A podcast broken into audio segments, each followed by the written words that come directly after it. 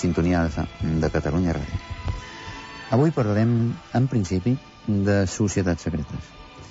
I en final ja veurem de què. Parlem del tema amb Ramon Herbàs, un dels grans especialistes i potser poc populars. I precisament per això doncs, un gran especialista, tant d'investigació com, de, com a escriptor, amb molts llibres publicats sobre temes diversos, però tots relacionats amb sintonia alfa. I bé, ara parlarem.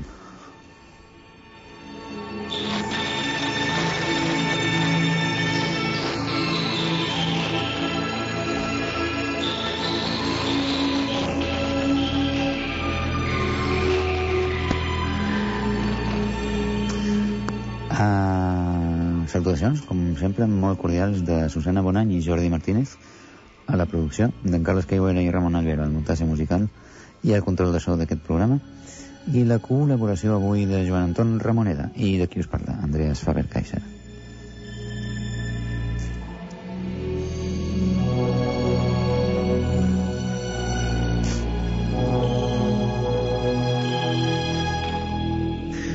Ramon Herbàs.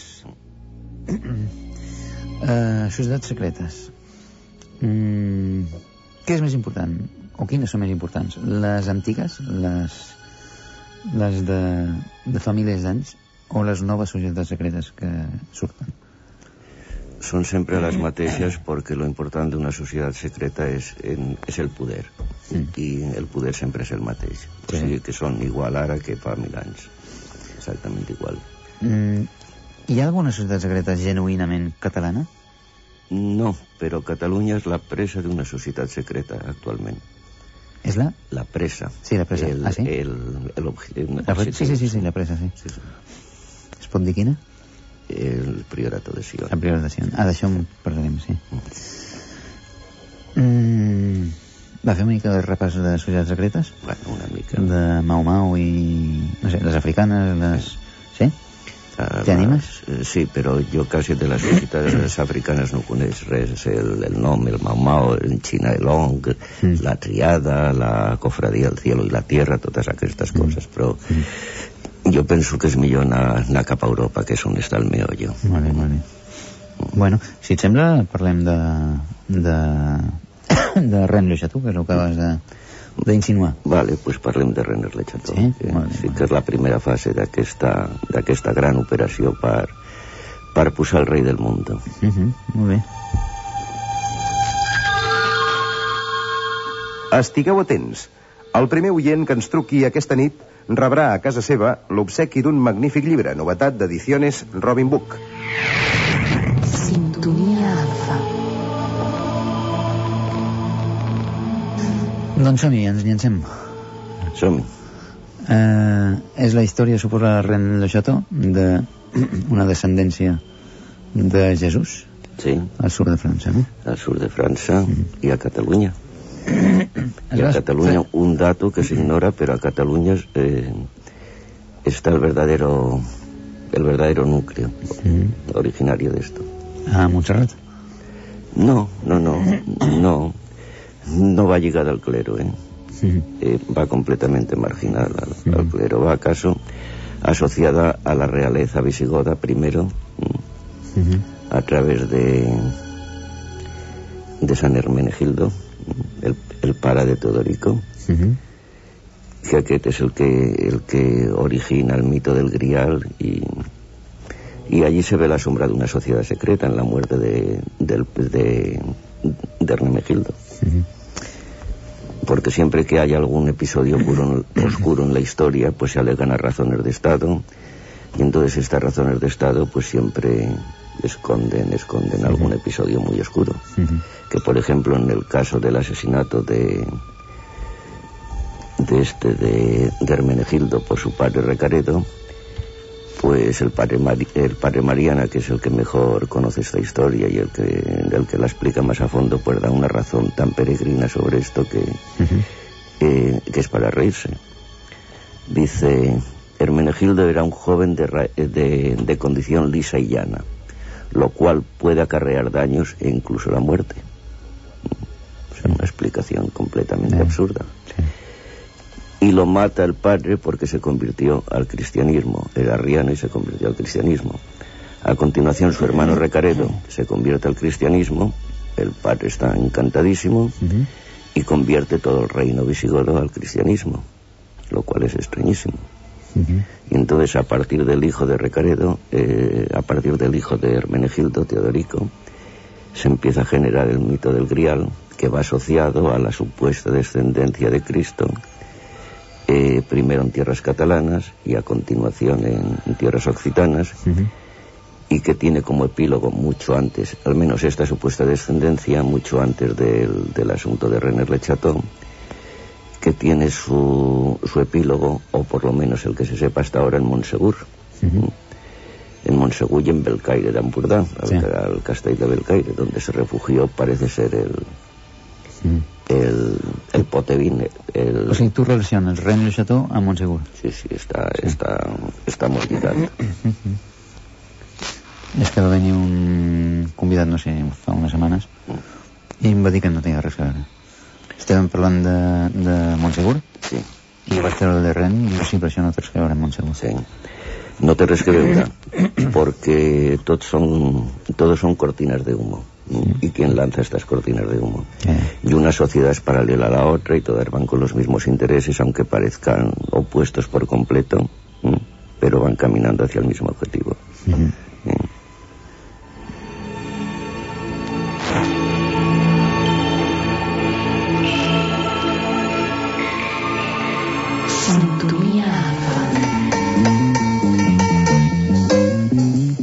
Preguem als centres, als grups, als organismes i a les associacions que organitzin conferències, xerrades, col·loquis o congressos de temàtica paranormal o ufològica que ho comuniquen en detall, per escrit i amb antelació a Sintonia Alfa, Catalunya Ràdio, Diagonal 614 08021, Barcelona.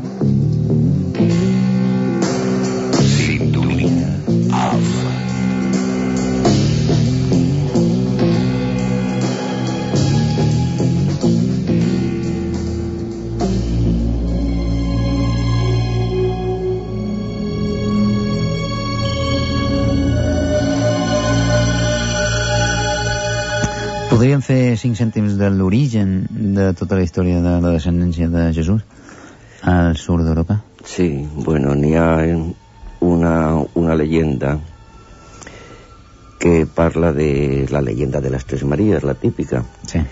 que hay tres lugares en Francia que se disputan el, el puesto, el, que el lugar donde, donde llegó Sí. donde llegó Magdalena. Ujú.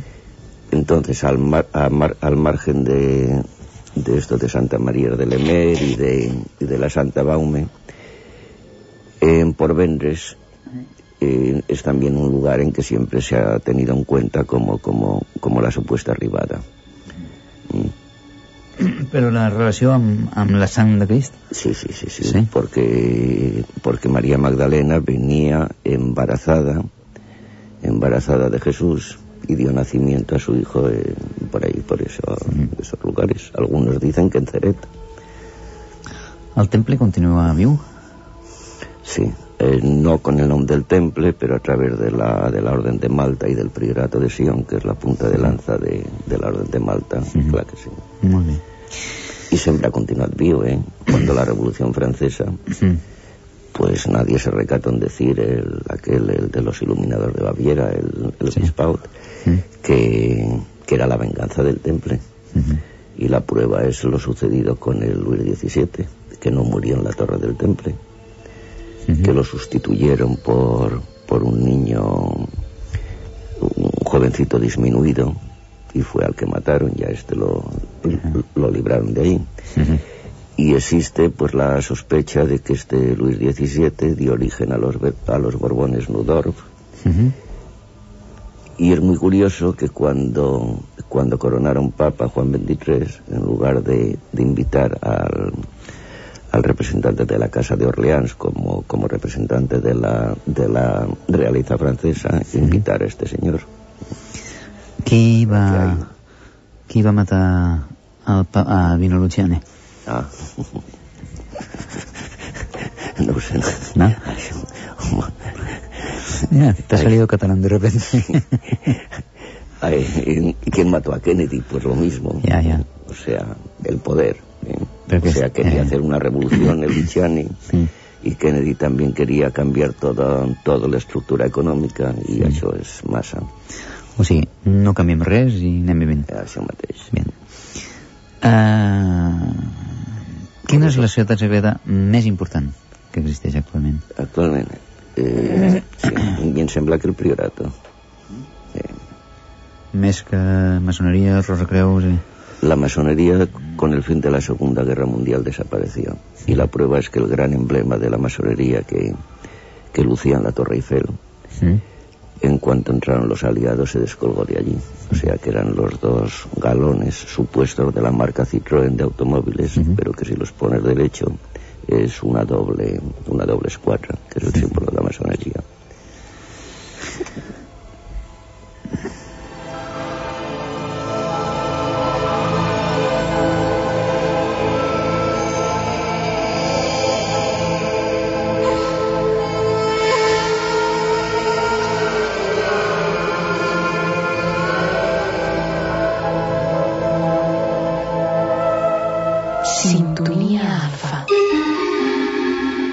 Ara sí, comenceu a marcar el 201 74 74.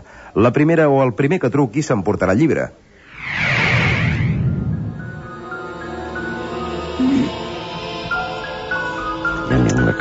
Ramon Nervàs, ets d'alguna societat secreta? Jo no. No. Ni soci de Barça? No, no, no. No, no simpatitzant, però Mm. no soci. Així t'estalvies molts justos.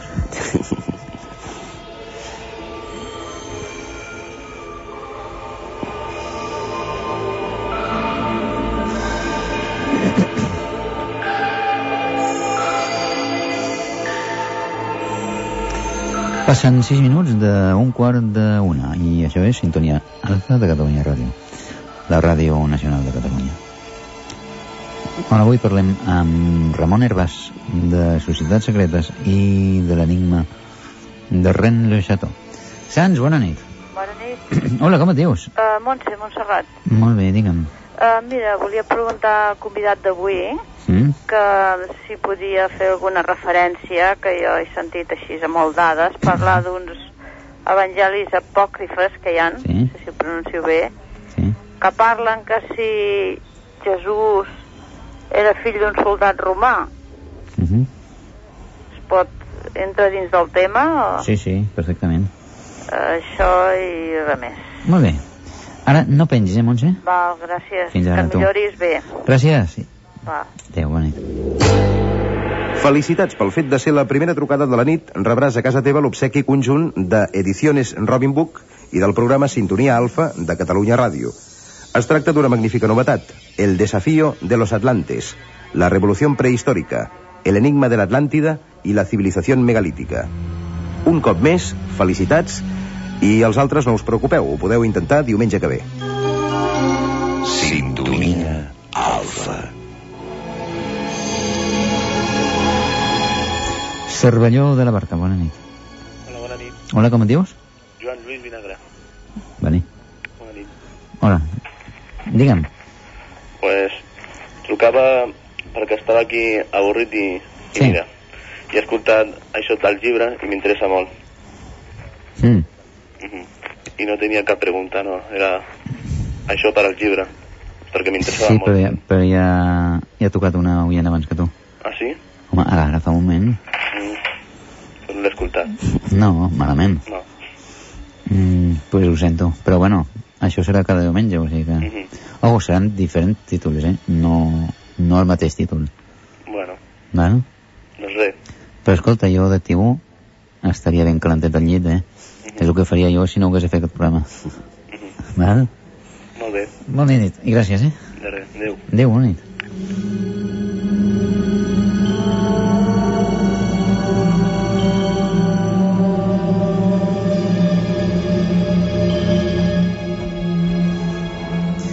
6 minuts per dos quarts d'una. Sintonia fa Catalunya Ràdio. Sant Cugat, bona nit.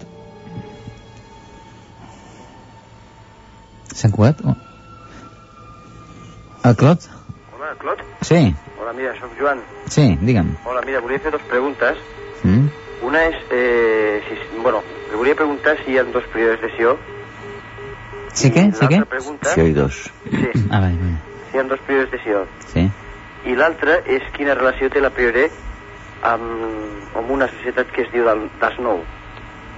Mm -hmm. Molt bé. Res més, que et millores. Gràcies, Joan. Vale, Adéu, bona nit. adéu, bona nit.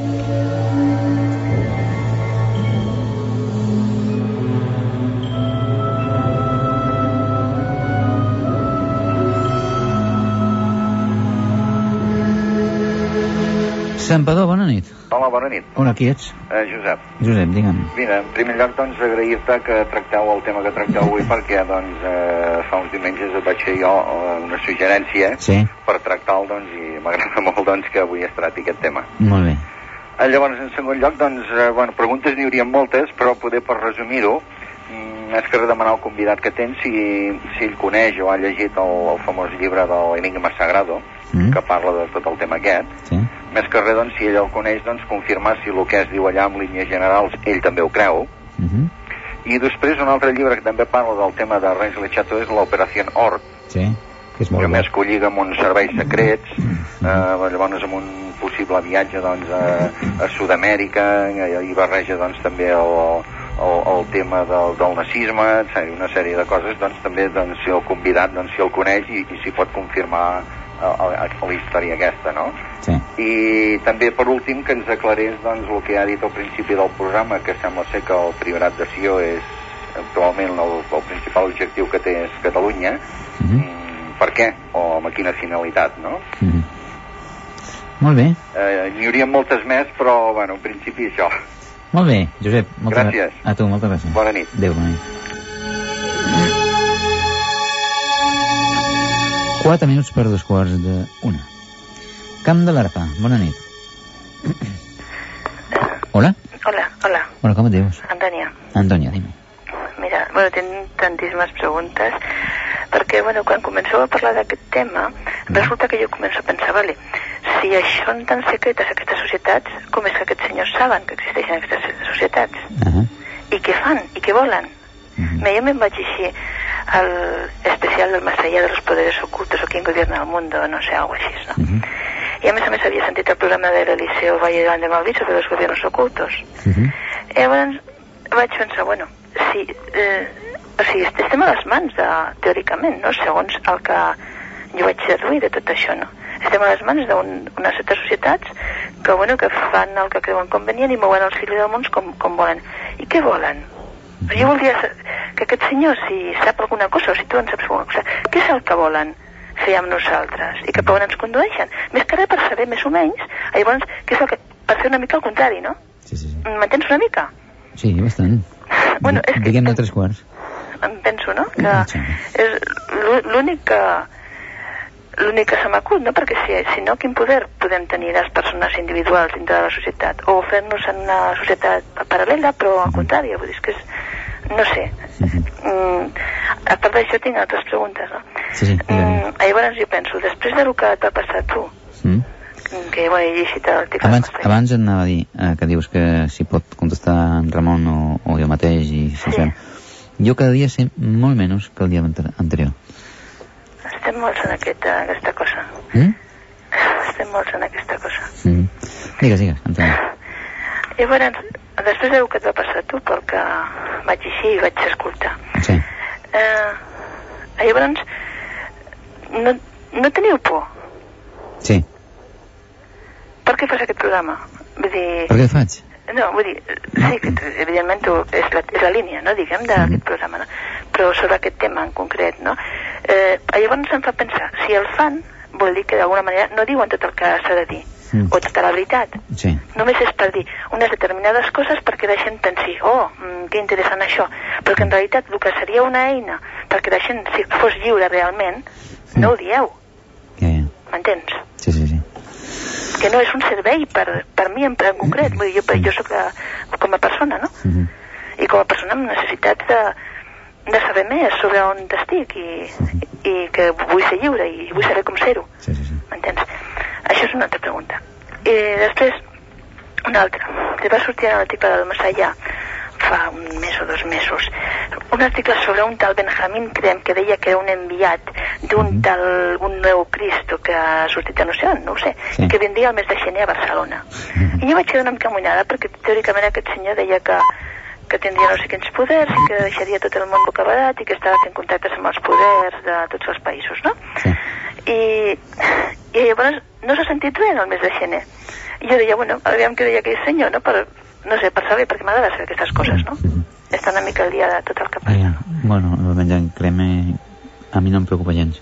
No, mira, Mira, fa, fa uns 10 anys, el 82, 83, 84, van sortir tants llibres parlant del fi del món aquell any, del 83 i tal. Eh, no ha passat res. Home, que s'ha posat pitjor que abans, sí, això. ah, no sé, no, no deia per la qüestió del fi del món. No, però vull dir que... La qüestió d'això que que, aquests deia anuncis- que era un emissari o alguna així de no sé qui, no? I que volia aquest, aquesta persona i tot això. I no s'ha sentit res després. Sí, sí, millor. Només per aquesta qüestió, no? Que em, em, vaig, em vaig quedar amb curiositat i després Sí, sí, sí. no s'ha sentit res, no? Doncs ara et respondrà en, en Ramon Nervas. I res, sí, molta salut i molta sort. Gràcies, Antònia. Adéu. Adéu, bona nit.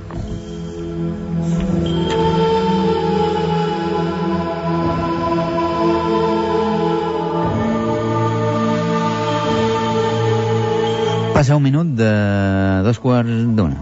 Sou a la sintonia alfa de Catalunya Ràdio, que continua emitint a pesar del 6 a 3.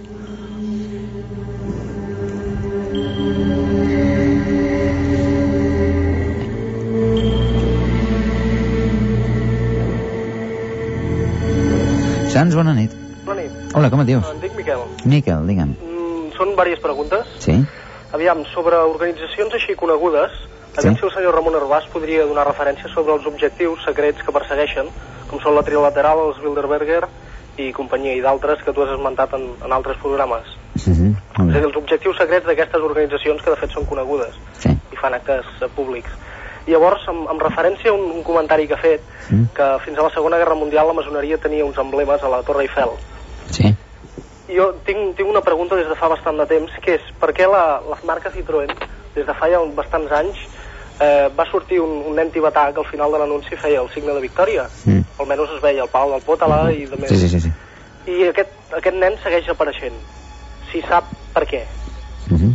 I si, si ell no ho sap o ho saps tu, m'agradaria m'agradaria saber-ne alguna cosa. No, el convidat és ell, t'ho dirà ell. Però t'explico una anècdota. Aquí vam tenir una monja budista espanyola, Sí, sí, recordo. molt maca, sí? No? Vaig trucar aquell dia. I com a anècdota va dir que, que la va, clar, va vestida com els, el, els monjos tibetans. I amb un semàfor se li... Bueno, estaven esperant que faci verd el semàfor, es posi verd i li diu el nen a, al seu pare. Diu, papà, papà, mira, uno de la Citroën. sí, sí, sí que ho recordo. Sí que recordo l'anècdota. Molt bé. Bueno, doncs res més. Gràcies, Miquel. Per cert, gràcies pel programa. Moltes gràcies a vosaltres per continuar escoltant. Gràcies. Bona nit.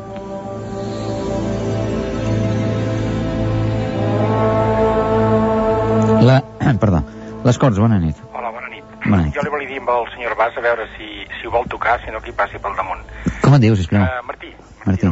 Es diu Herbàs. Es diu, no, no, no es diu Herbàs, el senyor que tens aquí invitat. I tant.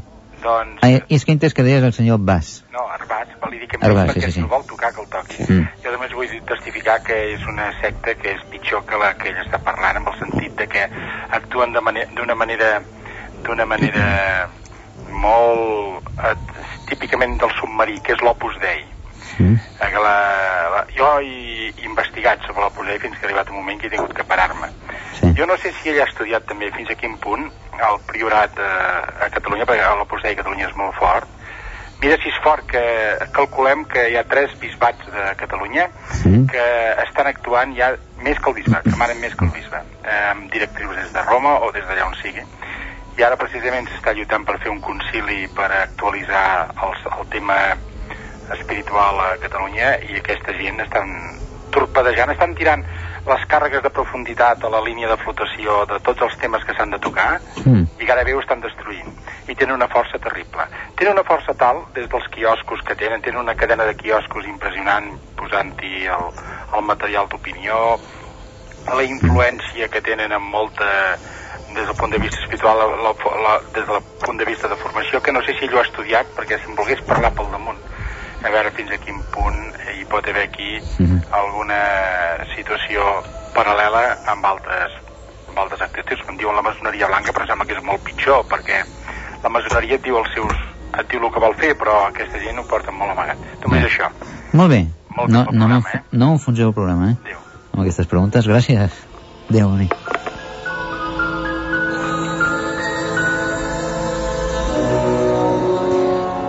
Bona nit. Hola, bona nit. Com et dius? Hola, Andrea, soc la Margarida. La Margarida. Sí. Vale, molt bé. Uh, mira, volia preguntar-li al convidat d'avui, el senyor Bas, Sí. eh, que he sentit que, que deia que Maria Magdalena havia vingut embarassada de Jesús. Mm. Aleshores, quines proves hi han o quines proves té ell per fer aquesta asseveració? I, a més, si aquest fill existeix o ha existit, o sigui, què és llavors aquest fill? O sigui, un net de Déu, un, un Déu igual que Jesús, segons ens han ensenyat, o què és el que em pensa? Aleshores crec que hi deuen haver molt, moltes bones persones escampades en el món, potser més de les que ens pensem. Sí. Molt bé. Doncs tot això. D'aquí uns minuts de resposta. Gràcies. A tu, Margarida. Bona nit. Adéu, bona nit.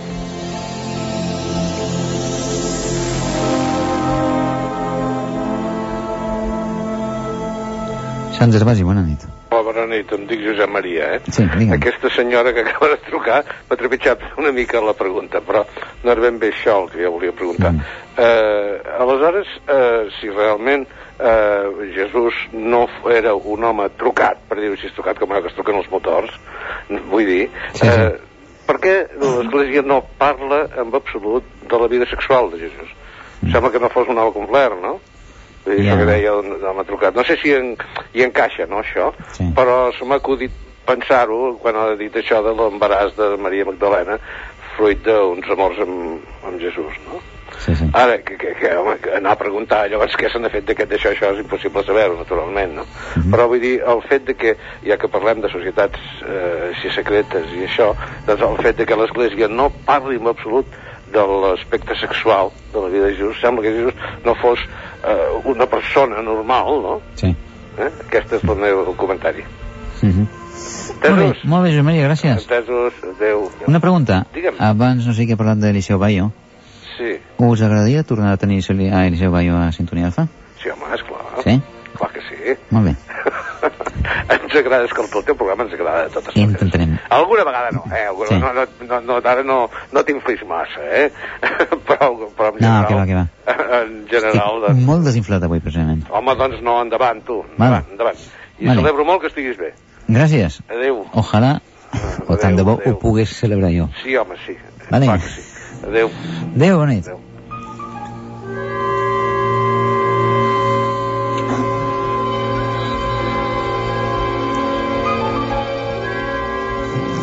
I ara em temo molt que entrarà una veu que correspon a Joaquim Mititieri. Gelida, bona nit. Sí, bona nit, que em teníeu abandonat. Molt abandonat, per què? Molt, coi, era el segon del llibre, quasi. I Ah. fixa't, fins ara no m'ha donat pas. Tranquil, tindràs... Deu dir que com que aquest és de casa, oi? Bueno, jo primer de tot voto per en Bayo, que el tornis a portar, Molt bé. i ràpidament dono la resposta al, al xino que ell surt perquè el primer anunci és un cotxe anant per les muralles de Xina. Sí. I la Margarida, que no es preocupi, que tots som fills de Déu nosaltres, vale? Molt bé. Bueno, vinga, ara la meva de pregunta. Sí. Uh, amb el senyor Ramon Herbàs. Mhm. A Morc. Sí. Jo sé que el gran mestre és en Ramon Bernat, Sí. però no sé, no tinc cap més data. I m'interessaria saber si sap alguna Mhm. Per exemple, a Morc jo uh, miro al revés i diu croma, croma, un espai de temps, Mhm. eh, si sap alguna d'això. I si la... eh, tu o ell eh, em pugueu dir, potser ho estic buscant i no cal buscar-ho perquè és una frase anònima, n'hi ha moltes de frases anònimes, Sí. importants. Sí. Una frase que diu, que a mi és molt important, com tu, tu saps i molta gent sap, que diu, la veritat està en les pedres. Sí.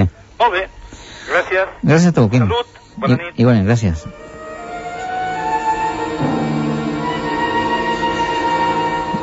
Sis minuts perquè siguin tres quarts d'una. Això és Sintonia Alfa de Catalunya Ràdio. Gràcies, bona nit. Hola, qui ets? Hola, em sents? Hola? Sí, i jo et sento. Em sents tu? Pues no massa. No, Bueno, bueno. però ho sento. Llum. Ah, Llum, hola, bona Ah, nit. sí, és a mi, no? Sí, sí, sí. Val, val.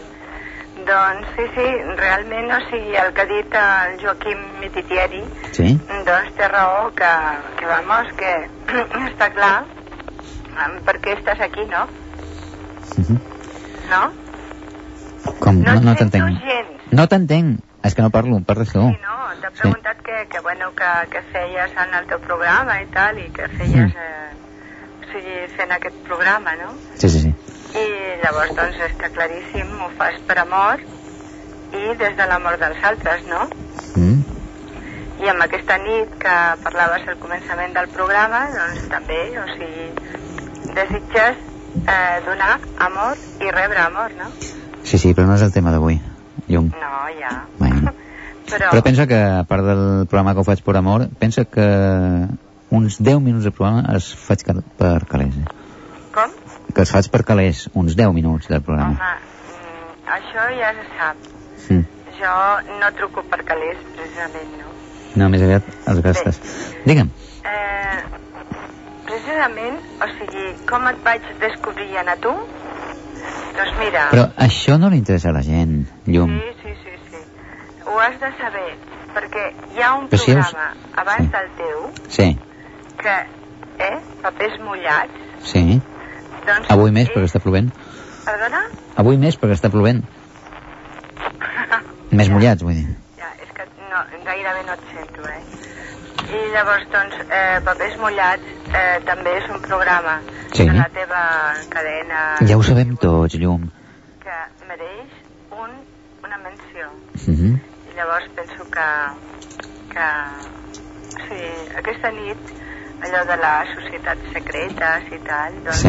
està de més. Molt bé. Llum, has de fer alguna pregunta? Pel tema? Doncs sí, Va. A veure, aviam, amb, amb aquest follon que hi ha hagut amb el senyor Conde, Mario Conde, Sí? què passa amb la societat secreta de Mm. Triangle, Espanya, Estats Units, Anglaterra, Anglaterra, Espanya, Estats Units? Això és un triangle o és un galimaties? No et sento per res, Que això és un triangle o és un galimaties? una mena de triangle, fixa't, eh? Sí, però original, eh? A veure, Vale. bueno, no et sento gens, eh? Doncs pensem que no val la pena continuar així. Llum, gràcies. Adéu, bona nit.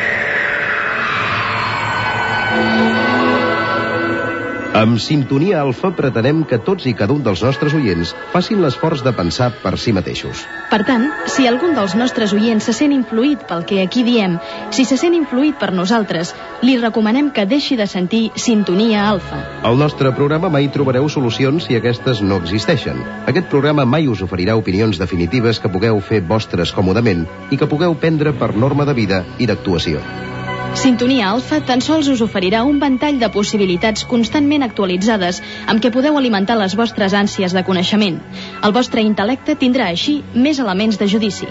Però el treball d'assimilació i la vostra consegüent actuació és cosa exclusivament vostra.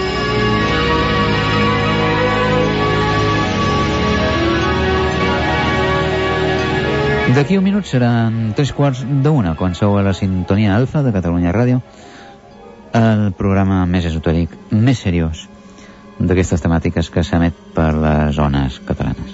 Sens cap dubte. Aviam, Ramon, et veus valent per respondre? Sí. Si no, no t'ho hauria agradat. Bueno, en primer lloc, aquesta senyora que ha trucat primer, Sí. respecto a los evangelios apócrifos. Mhm. Bueno, para entender un poco los evangelios eh, deberíamos eh, deberíamos situarlos en un orden serial distinto al, al que nos han enseñado, que son los cuatro evangelios y luego las epístolas de Pablo y finalmente los hechos de los apóstoles. Bueno, pues cronológicamente es al revés. Empieza por los hechos de los apóstoles, escrito unos 40 años después de muerto Jesús. Escrito por Lucas, que era el médico y, y secretario de Pablo. A continuación vienen las cartas de Pablo y luego finalmente los evangelios. Y evangelios se escribieron pues prácticamente un centenar. Cada grupo, eh, cada grupo cristiano, que al principio eran muchos, pues cada cual tenía su evangelio, tanto como recordatorio de la vida de Jesús como eh, arma dialéctica para luchar contra sus oponentes, para, porque todo eran discusiones religiosas en aquellos tiempos. Bueno, luego, unos siglos más tarde, la Iglesia, eh, la Iglesia romana, de, decidió elegir entre estos evangelios cuatro y considerarlos auténticos, que son los cuatro evangelios canónicos que todos conocemos. El de Juan, el de Lucas, el de Mateo y el cuarto, ¿cuál es? Lucas, Juan, Mateo y, y son... Sí, bueno. Bien, el otro. En- y entonces todos los demás la Iglesia los consideró apócrifos y por lo tanto falsos. Pero de falsos no tienen nada, o sea, porque se escribieron eh, un tiempo después de la muerte de Jesús recogiendo sus dichos y obras. Y a veces eh, en estos evangelios hay informaciones pues que nos pueden ayudar mucho a comprender la figura de Jesús. Esto en cuanto a un tema. Luego, eh, que si Jesús era hijo de, de Julio Sabdes Pantera. Bueno, la información que tenemos de Jesús histórica es, es muy escasa y, y principalmente una de las fuentes eh, más importantes eh, es la fuente judía del Talmud. Y entonces en el Talmud se alude varias veces a Jesús y siempre para desacreditarlo, eh, porque claro, representaba una, una, una religión distinta eh, que, era, que era el adversario que en aquellos momentos. Entonces siempre que hablan de Jesús es para menospreciarlo, para desacreditarlo, etcétera. Y en una de estas ocasiones que hablan de él, eh, le dicen que es hijo de un legionario romano que se llamaba el Pantera. El Pantera luego se tradujo al griego como Partenos. Entonces esto conjugaba con que Jesús era hijo de una virgen, eh, al haber traducido mal Pantera por Partenos. Y luego, en el siglo pasado, se, descubrió una lápida romana en Alemania, precisamente de un soldado romano que se llama Julio Sabdes Pantera, y esto todavía dio más pábulo a- para esta historia de que era hijo de un legionario romano. Pero en realidad los padres de Jesús eh, es una incógnita. Hay ciertos indicios que apuntan hacia un lado, pero esto ya nos llevaría ahora demasiado lejos. Si voleu anar a dormir amb bastanta més informació mm, de la que teníeu abans, escolteu Sintonia Alfa cada nit. Bueno, cada nit, cada nit de diumenge.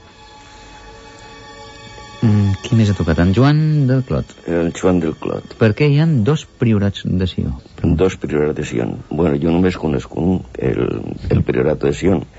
Lo que a veces el priorato se ha asociado a todas las sectas de, mm, o sea, de este tiempo, las recientes, a la Golden Dawn, al Tule, a los Iluminados de Baviera y al Dragón Verde, que es una de las más ocultas.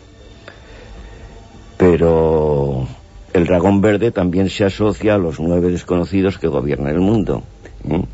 Y el dragón de las siete cabezas, pues también va asociado a, a los nueve desconocidos o, o a la sinarquía universal, que es el gobierno de los 72. Pero claro, estos son esos datos así tan genéricos que no dicen absolutamente nada. En Joan... Sí, de, de Clot també preguntava per la relació entre el Priorat i Desnou. ¿Y él? I Desnou. De Snow, los nueve, ¿no? Supongo que serán. Supongo, sí. Sí. Bueno, pues los nueve No sé, son los- no. Sí, los nueve desconocidos, supongo que se referirá a esto. Porque claro, siempre que se habla de este poder oculto no lo personifican en alguien, sino que, que vienen a dar la idea de que es un equipo, que es una jerarquía, que todas las grandes de- decisiones emanan de esta jerarquía. O sea, supongo que se referirá a esto. Josep de Sant Pedor. Mm, pregunta si coneixes el llibre L'Enigma Sagrado. Eh, Pues sí, sí lo I coneixo. si el pots confirmar... Uh... És molt fiable, tota la informació que da és molt fiable. És un llibre de divulgació, Mm. però tots els datos que da són molt fiables i són... I també pregunta per la relació de tot això que estem parlant amb l'operació Hort, que és un altre llibre que va tenir molt èxit. Aquest no coneix jo, no, Mhm. no coneix jo. Pues ho deixem. L'Antònia del Camp de l'Arpa. Eh, pregunta si les societats secretes són secretes, ¿per qué se sap que? Bueno, eh, conocemos el nombre y, po- y- y- y poco, más. Y conocemos los objetivos porque nos los imaginamos, que es la dominación, la dominación del mundo o de ciertos sectores de la sociedad. Y si, y si los conocemos es porque ellos son los primeros interesados en dar algunas filtraciones, muy poquitas, eh, para, para condicionarnos mentalmente respecto a un hecho que ha de venir, que están, que están preparando. Entonces hablan un poquito de estas cosas. Pero lo que conocemos es porque ellos nos lo permiten saber, porque una de las premisas de la sociedad secreta es que sus- sus reuniones son, son precisamente secretas, absolutamente reservadas a sus miembros. Entonces, si, algo, si alguno de estos miembros, pues un día, pues le da por hablar por en público y tal, pues tiene una única oportunidad de hablar, porque luego desaparece y no, y no se vuelve a, hablar más de él. Han habido varios casos de estos, de, de silencios muy sospechosos, ¿no? També preguntava l'Antònia que què volen les societats secretes? Bueno, pues esto lo que decíamos de, de dominar la sociedad, de, de ostentar el poder y naturalmente eh, en la en la fase esta actual de la de involución que lleva el mundo. Evolución me refiero a, a lo de los eh, a los temas del esoterismo que estamos en la última fase del Kali Yuga. Pues entonces es llegar a un caos eh, eh, armar mucho armar mucho jaleo socialmente y, y entonces a partir del caos empezar a construir empezar a construir una sociedad en la que prime la justicia, en la que prime la belleza, en la que prime la armonía, en fin, todas estas grandes palabras que de vez en cuando nos prometen eh, y que no sabemos si, si pueden llegar a ser una realidad. Iugoslàvia, una guerra de sectes?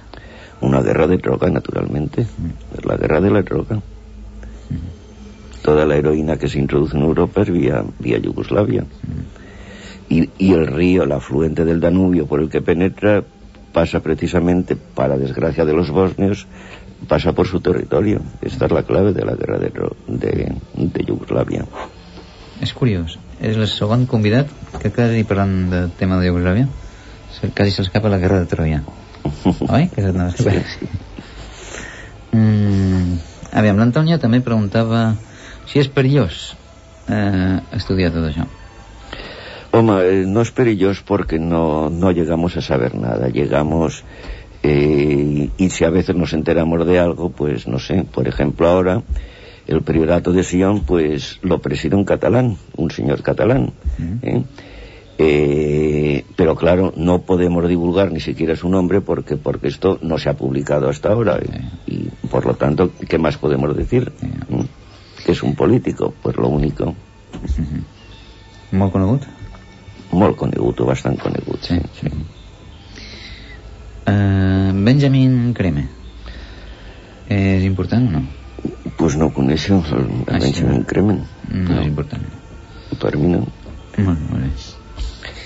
En cuanto a esto, en cuanto a cómo se mueven los hilos y tal, por ejemplo, pues, eh, pues esto, pues Richelieu eh, dijo que en una ocasión, ay, si la gente supiera quién es verdaderamente el rey de Francia, no se lo creería. ¿m? Eckhart, que era, que, era, que era el animador de la Tuller, en relación a, a Hitler, también dijo, dejad que baile el payaso, somos nosotros quienes hemos escrito la música. Eh, o sea que siempre hay algo detrás, siempre Inglaterra domina el món? lo A dominará. nivell esotèric. Lo dominará. Bueno, Inglaterra tiene, tiene, parece ser que tiene el testamento de Blanca de Castilla, Sí. Que lo elaboró, que es un documento secreto que elaboró el priorato de Sion, que fue lo que descubrió Berenguer Sonies en Rennes. Pues esto parece que está en manos, en manos de Inglaterra. Y esto es un arma muy poderosa, eh, no sé para qué, pero parece que dispone de él, sí. Y luego la, la, lo que hablábamos al principio en cuanto a la dinastía de Jesús y tal, que un día se eh, elegirán a un rey del mundo que procederá, procederá de la esencia de Jesús, pues yo pienso que hay bastantes probabilidades de que surja de Inglaterra, o de la Gran Bretaña, mejor dicho. 5 minuts per la una.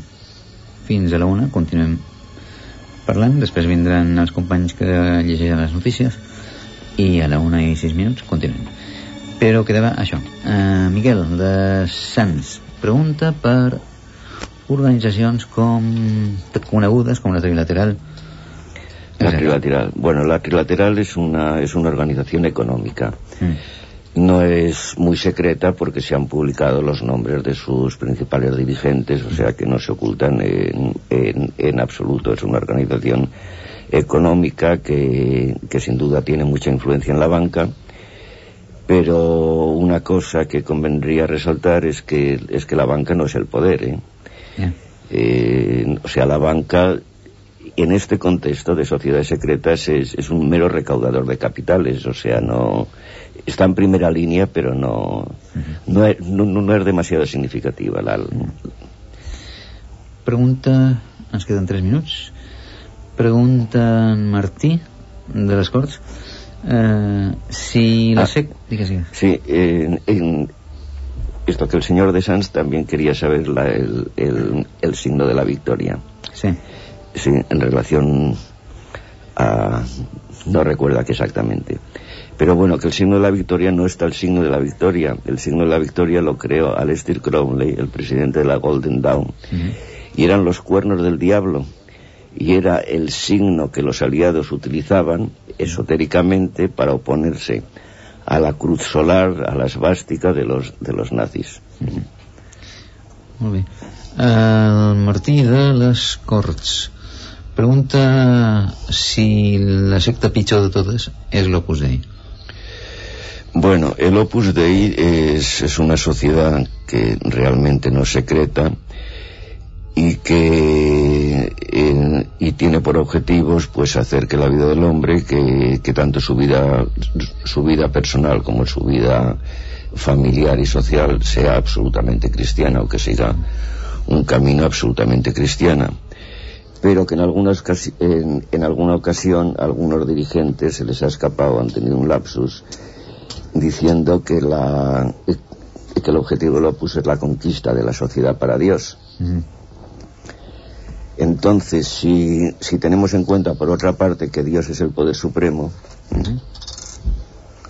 pues aspiran a- al poder supremo también. Ahora bien, lo conseguirán, yo no sé si lo conseguirán. Aviam si ens queda temps, ens queda molt poc temps. Uh, és cert que hi ha tres bisbe... bisbes, sí, a Catalunya ordenats directament des de Roma? Pues o no ho sé. relacionava amb, amb, Eh, amb amb el- l'Opus? sí, sí, també l'Opus ho relacionava, no ho sé jo. No? Bé, ho deixem aquí perquè venen les notícies de la una, d'aquí un minut. I una segona hora de Sintonia Alfa de Catalunya Ràdio. Parlem avui de René Chateau, de les societats secretes i temes afines. Passen 8 minuts de la una de la matinada. Mm, diumenge que ve, ja sabeu, vindrà, si les coses no varien, que de vegades varien, André Malvi. Adverteixo que després no us queixeu si està diluviant o nevant. No entrarà ningú.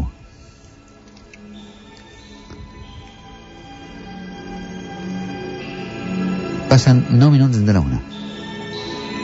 Però sentir-lo per ràdio també és molt maco, té una veu que imposa, oi? Mm. I, i algun diumenge vindrà el Bayo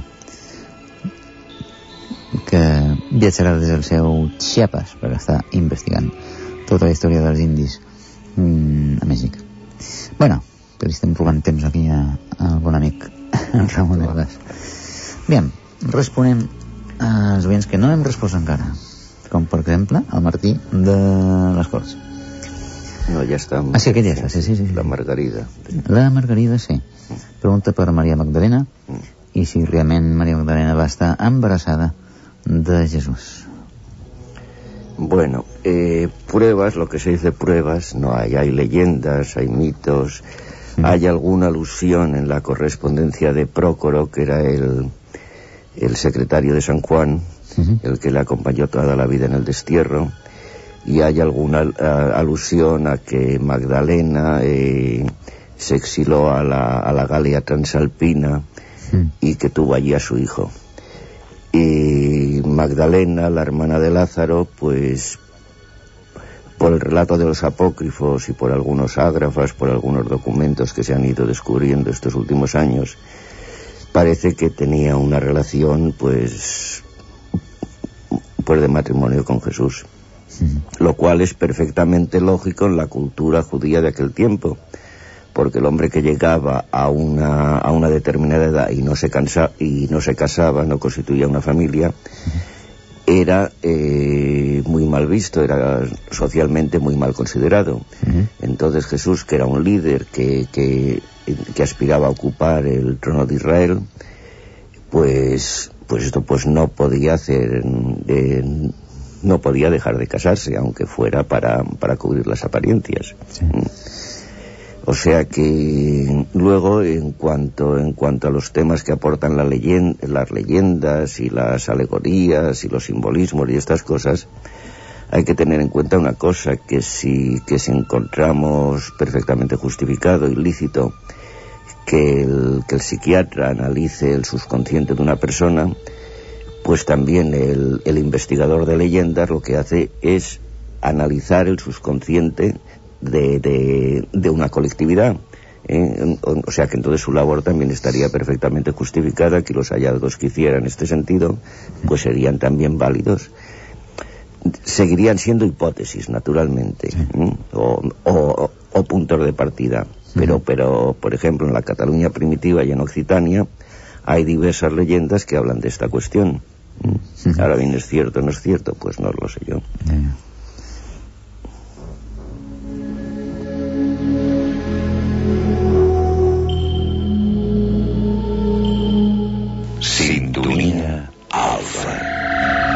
Jutgeu el que no és jutjable amb les ensenyances universitàries. Hi ha realitats que per comprendre-les s'han de viure. Però no per això són menys eficaces i menys actives.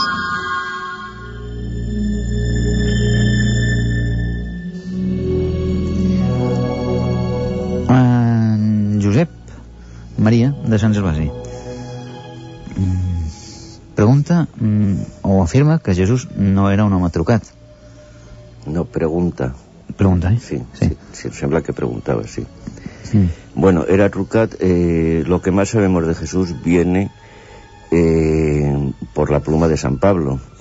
San Pablo no conoció a Jesús personalmente. San Pablo, eh, 14 años después de, de muerto Jesús, empieza a hacer esta gran maniobra de marketing religioso, de construcción de, de una nueva sociedad religiosa que es el cristianismo. Y el Jesús, que, que es el retrato que hace Jesús de San Pablo, pues no se corresponde demasiado con el Jesús que, que con el Jesús real o con el Jesús de determinadas predicaciones. Porque, por ejemplo, Jesús era, era por ponerle una etiqueta, podríamos decir que era el, el, el apóstol de la libertad.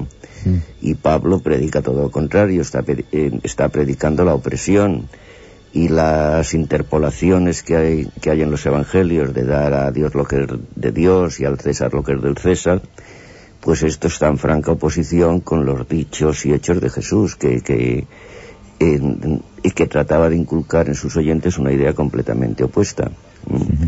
Además, Pablo, como creador de una iglesia, pues también es, eh, está en contradicción con lo que decía Jesús, que a Dios hay que sentirlo en el corazón, que no son necesarias las iglesias, ¿eh? que no es necesario el sacerdocio, ¿eh? que son necesarios determinados guías, pero que no hace falta un rito. ¿eh? porque lo verdaderamente importante es el elemento sagrado, es el alma sagrada que el hombre lleva dentro, que es lo que le permite esta comunicación con Dios.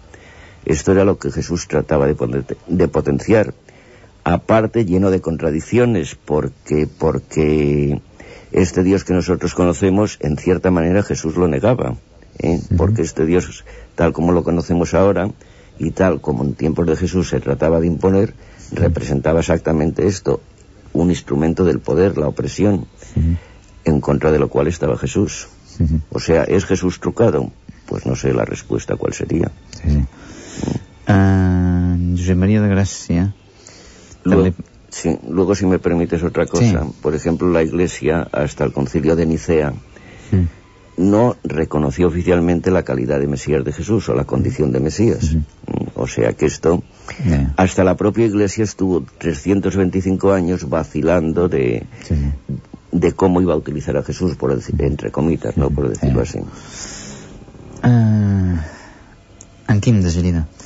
Pregunta per l'Orde Morg, mm, Rosa Creu, i per Raimon Bernat, que va ser el gran mestre. Bueno, eh, el amor, como todas las sectas acruces a los, a los rosacruces, eh, como las sectas afines a los rosacruces, pues es una, una secta muy elitista, muy, muy con un, eh, que maneja un esoterismo muy descafeinado, eh, que se mueve entre unas esferas sociales muy altas, pero que, que parece bastante frívola en sus finalidades y en sus esto. Eh, o sea, es una de tantas. Uh, la llum, No, el- la llum de Gràcia, no? bueno, en un moment que aquest senyor preguntava també si la veritat està en les pedres. Sí, sí, Bueno. sí, sí. Eh, potser sí, porque por lo que se refiere a todo el fenómeno cristiano, eh, a veces en los campos de, Occi- de Occitania, eh, un gran llano, una extensión de sembrado y tal, y en un rincón o en el centro hay dos o tres cipreses, y si te acercas a los cipreses, eh, se ve una losa allí, una losa sin cruz, con unas palabras en, oc- en, en, en occitano que reproducen una sentencia de Jesús de uno de los evangelios apócrifos, y que dice, está anocheciendo, pasemos a la otra orilla. Sí, però Quim de Gerida, a part de referir-se suposo que et fa la pregunta perquè ell ha investigat eh, molts anys les pedres d'Ica, eh, però saps el que és? No. Una criptoteca de milers de pedres eh, gravades a un missatge antigues. I pe penso que ho deia per això, el de les pedres.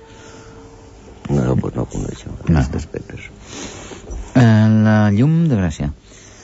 Pregunta si tot el follón de Mario Conde té que veure amb una societat sec- secreta.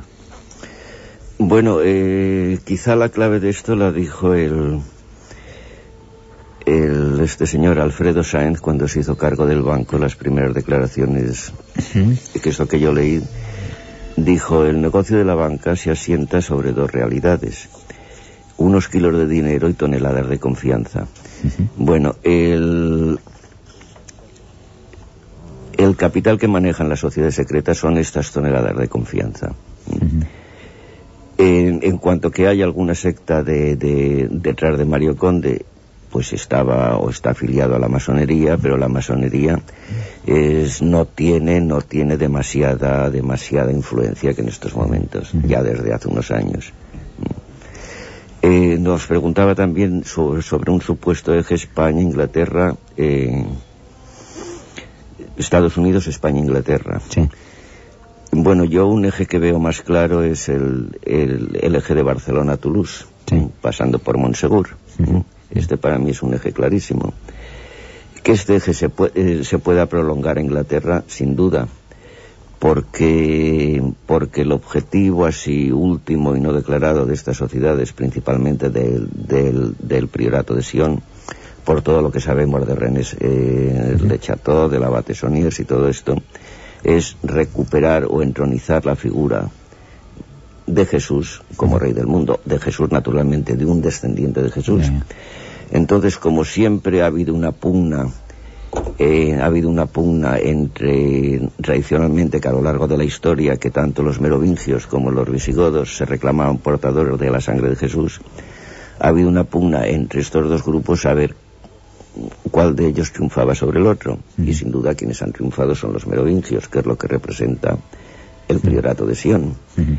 Pero sin embargo, puesto que hay muchos datos, repito, en cuanto a mito, en cuanto a leyenda, a que el hijo de Jesús, eh, el primero hijo de Jesús y bastantes de sus descendientes pasaron por, eh, por Cataluña, pasaron por Occitania y tal.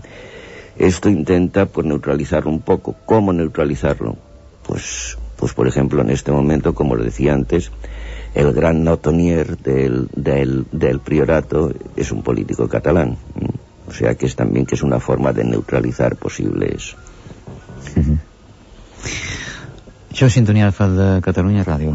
7? No. 12 minuts per dos quarts de dues. Continuem parlant amb Ramon Herbàs de Societats Secretes.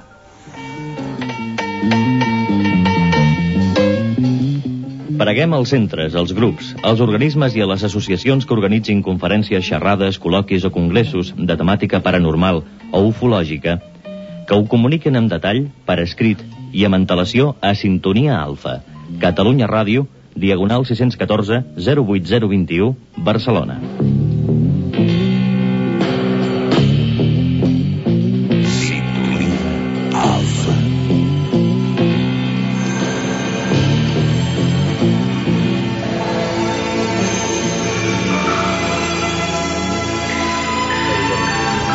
Recordeu que aquest programa té un magnífic telèfon que us buidarà una mica les butxaques i les engreixarà a la telefònica.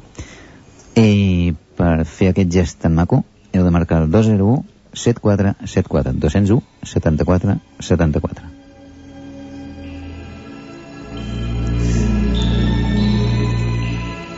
Ramon Herbàs, no sé si t'he preguntat o no. Ets d'alguna secta? No. No. No. De cap. De cap, no, no. Mm, sí, no, no estic d'acord. Per ser independent s'ha de, de ser independent. Et preguntava no sé qui si era perillós investigar tot això i fer un programa sobre aquests temes. No, yo no pienso que sigues especialmente eh, religioso, no.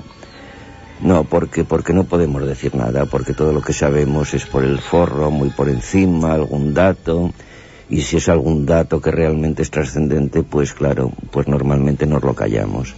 Eh, o sea que eh, eh, es más peligroso hablar de la libertad. Por ejemplo, la prueba es que un hombre como Jesús, que hablaba de la libertad, pues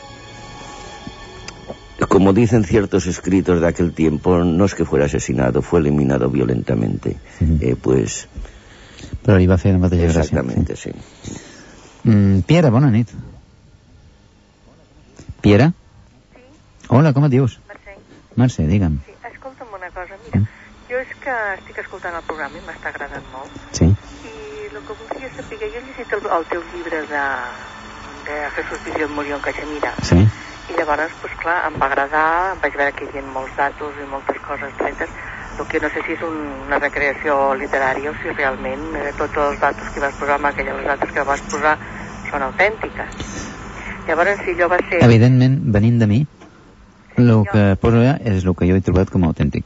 Que l'origen sigui fals i jo no, no m'hi he entrat, és possible. jo ho he cregut, Mm. vamos, ho he cregut, sí, em va agradar, que som amics i tots, i estem tots bé. Ara, mm, resulta que avui el que toqueu és una altra rama, Sí. una rama anterior a la teva, com si diguéssim. Sí. Llavors hi ha d'haver-hi més d'un descendent, perquè si eh, el, el que va tindre la, la descendència que Xemira pues ja era gran, la Maria Magdalena aquí de ser jove. Bé, és una tradició que hi ha a Caixemira A veure, i sí, que és... mira, a mi m'han pipat molt les mentides i m'agrada que sapigui les coses. Mm. I ara sempre tinc dubtes, no? Home, jo al final del llibre ja ho dic, a l'última pàgina, pàgina crec, que això és el que jo he recollit a Caixemira i en llibres, però que no afirmo ni molt menys, ni el 100% de que això sigui així. Sembla que la cosa tingui que ser bastant certa, no? El que Sí. passa és que com ens ho han enganyat tant i ens han disfressat tant les coses, Mm. pues al final ja no sabem si és de dia, de dia o de nit. Mm, ja, ja, I ja. pensem i, i donem voltes, però... Sí, sí. Eh? Molt bé. Moltes gràcies. A tu, Mercè. milloris, eh? Avui tens més bona veu, eh? Que has Sí? estat molt baixet, molt baixet. Ha hagut dies que t'he sentit que t'has fet molt esforç per parlar, però avui et sento la veu una mica més ferma. Sí? Molt bé. Que Gràcies. milloris. Gràcies, Mercè. Adéu. Adéu, bona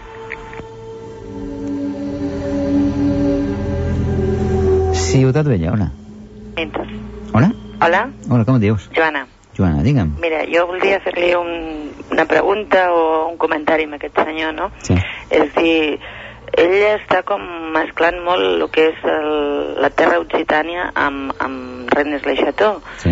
I tenen connotacions, però jo em penso que són dues coses bastant diferents, no?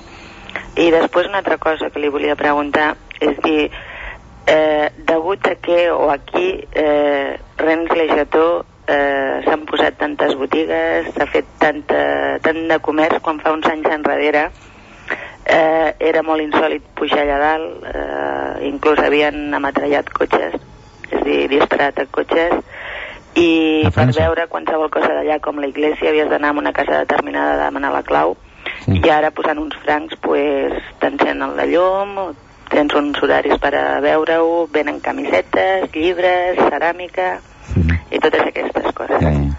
Però això a Montserrat també ho fan, eh? Eh? Això a Montserrat també ho fan. Sí, però una cosa que ha estat tan tancada durant bas- més, de 20, més de 20 anys, Sí. com és que ara de cop i volta una cosa que, que pràcticament feia por pujar allà dalt, Mm. com és que ara se li dona una publicitat i una apertura tan, tan gran de tornar a obrir la Torre Magdala i fer restaurant i tot això, quan això havia estat parant durant molts anys, no? Sí. Aleshores, potser per tot això que diu de la priorat de Sió o per interessos creats, no? Que, sí. que volen distreure la, la mirada en un altre puesto, no? A veure si ell me pot explicar alguna cosa de tot això, Molt bé. perquè fa temps que n'hi pujo. Vale. Gràcies, Joana. Bona nit. Bona nit.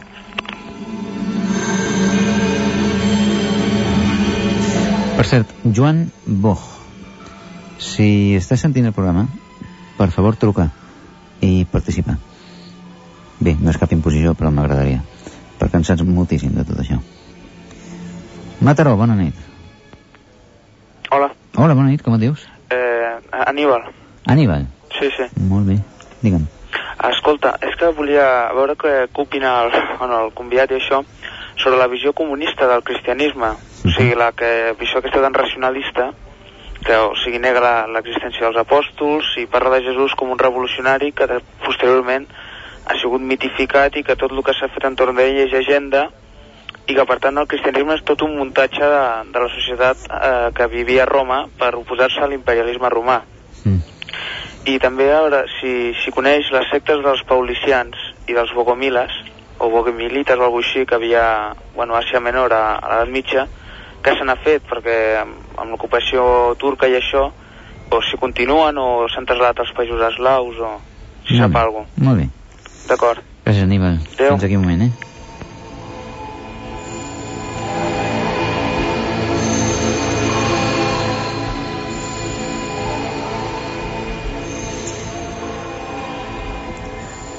Sant Gervasi de Cassoles. Bona nit. Sí? Sí, hola, bona nit. Hola, eh? bueno, és que és Sant Gervasi sense les cassoles. Ah, sí? Sí. Ah, no es diu així? Bueno, és que hi ha de Sant Gervasi. Sí. Bueno, jo almenys entenc que no.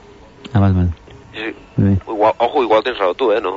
Mm, bueno, Sant Gervasi, el Sant Gervasi que va... Jo tinc entès que Sant Gervasi, a seques. Sant Gervasi de Cassoles és un carrer, Sí. però vaja, no, suposo que no. Vale, vale. No, no, no em faci cas, eh? No, que, no. És, que és molt tard i... Igual, bueno, igual ploure, no? Sí. sí. Una cosa, abans hi ha hagut un oient, em sembla que es deia Antònia, que per mi feia preguntes molt interessants, i, cosa, i que ha preguntat que d'on d'on es treu tota la informació aquesta, si són societats tan secretes, Sí. i s'ha contestat bueno, que aquestes societats tenen uns filtres i que ells mateixos ens diuen el que ells volen i que és la informació que nosaltres tenim. Sí. Aleshores jo pensava que si això és així, hi ha la gran possibilitat de que estiguem totalment enganyats, perquè si ens diuen el que volen, Sí.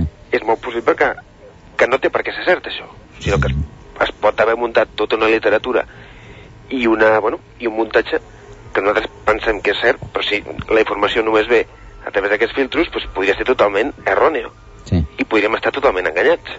Sí, sí. I això és el plantejament que jo feia, no? Molt bé. I després, una, dues coses molt ràpides. Jo aquesta setmana vaig, eh, vaig rebre una propaganda, una publicitat d'unes cintes d'un tal André Malví, Sí? I bueno, i no, només dir tu per si ho sabies, si realment això era, era, bueno, era ell mateix o era... No, no, és ell mateix. És si no? Sí. Vale, I fa alguna entrevista amb algú? sí. Com no, per... no, Digue'm, digue'm. no, no, només això, només volia saber. No, Mira, eh, és ell, sí, sí, sí. I només per acabar, bueno, ja fa temps que sento bueno, que estàs mal, no sé exactament què tens, Mm. però volia proposar, jo sé que abans fa anys, o fa aquests temps, tu diguéssim a una hora concreta, doncs feies una espècie de concentració de, de pensament dels oients. Sí. I bueno, una cosa que a mi personalment em feia gràcia, no? Mm. I penso que també ho podríem fer, bueno, primer, no sé si ho féssim Ja. avui o qualsevol altre dia, pues, per No. la teva malaltia, Sí. i més endavant, pues, no sé, recuperar això és una suggerència només, eh? Sí. I res més. Molt bé, gràcies, eh, Aníbal. Vale. Aníbal ets? No, no, Martí. Martí. Ah, sí, sí, sí, perdona. Eh. De res. Eh, què anava a dir? Sí, però allò es va acabar perquè mm, l'emissora no podia emparar un, una concentració mental d'aquest tipus mm, des, de punt, des, de, des del punt de vista de la Generalitat. Mm. Llavors, si algú es vol concentrar, que ho faci a casa, però clar, no es puc posar en contacte. Molt bé. Val? D'acord, merci. I gràcies. Adéu, bona nit.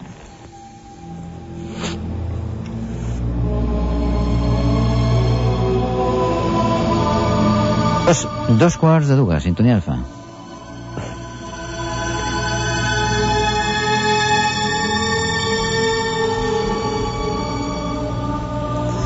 Sant Andreu de la Barca, bona nit.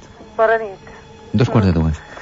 Hola, mm, jo li volia preguntar al teu convidat, Sí, com, aviam, com et dius, sisplau? Roser, Roser, digue'm. ja he trucat altres vegades. Molt bé. Uh, volia preguntar-li que si és veritat això de Jesús, que va tindre descendència, que jo ni ho nego, ni ho, ni ho m'ho crec, ni m'ho descrec. Sí. Llavors, doncs l'Eglésia quin interès pot tenir en tapar-ho? Perquè Sí. no, no veig qui tregui importància a la figura de Jesús. Sí, exacte. Vull dir, no sé si fos veritat, a veure per què ho tapa. I després una altra cosa, els evangelistes, que us heu deixat Sant Marc, Ah, això, sí, sí, moltes Sant gràcies. Marc, i després una altra cosa, que no són quatre evangelis, són molts, Mhm. quatre evangelistes, però molts evangelis. Ja, ja. N'hi poden haver d'altres, però Mhm. quatre que en van fer molts. Sí. més, eh? I m'alegro que estiguis molt bé, eh? Moltes gràcies. Penso en tu molt. Gràcies. Adéu, eh? Gràcies, Roser. Adéu. Adéu, bona nit.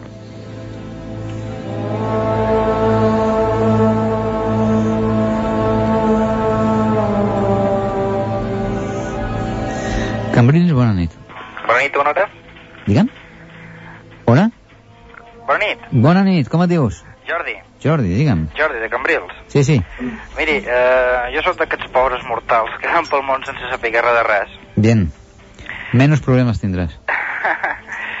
I faig una pregunta escoltant-los. Sí. Eh, si totes aquestes sectes que diuen que dominen el món són tan poderosos, Mm?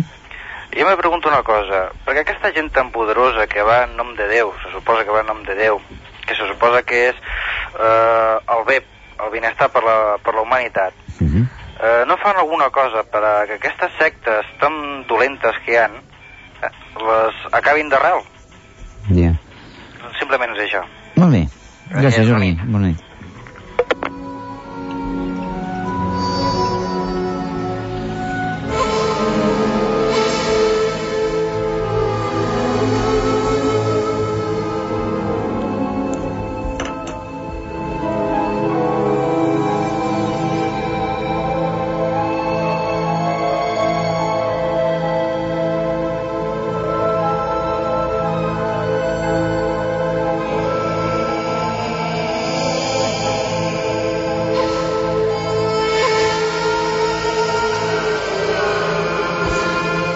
Passant 3 minuts de dos quarts de dues. Ens queda poc menys de mitja hora de programa.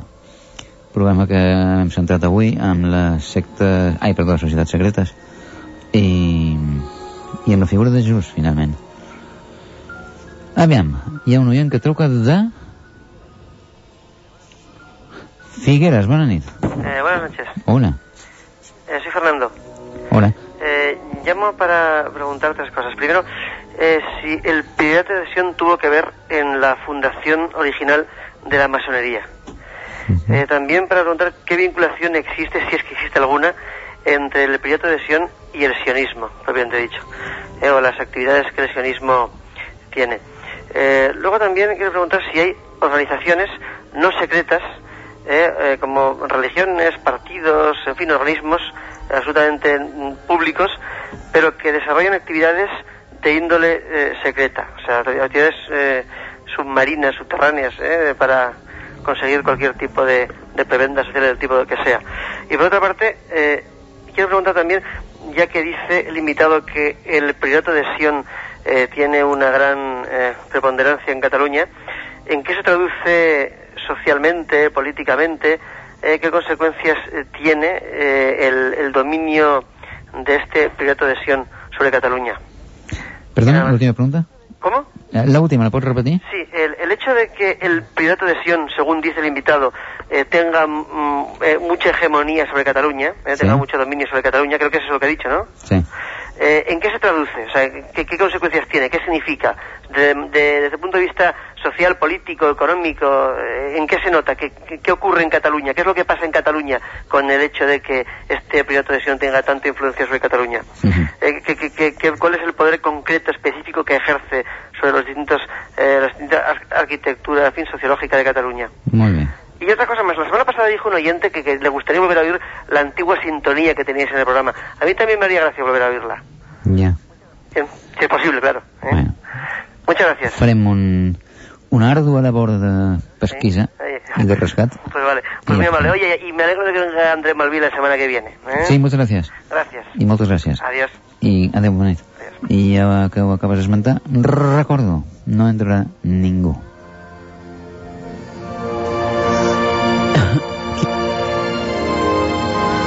que avisa no és traïdor.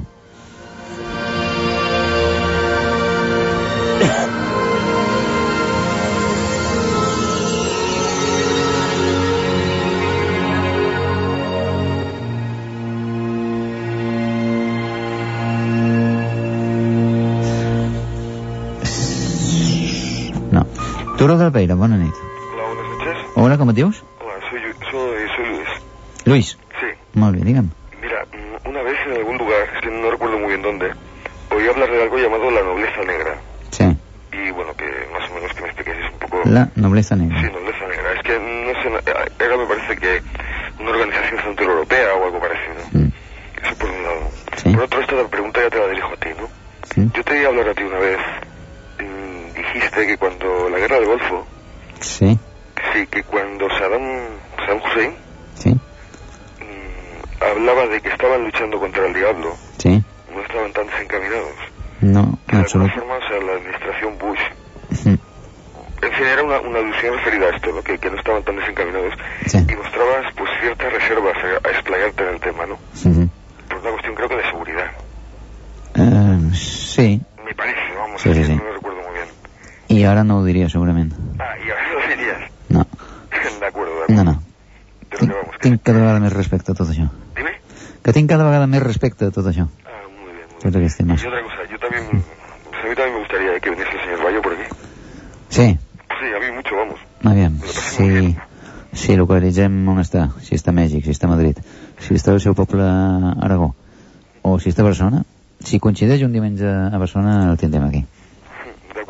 Molt bé. Nada más, muchas gracias. ¿eh? A tu, Lluís, bona nit. Adéu.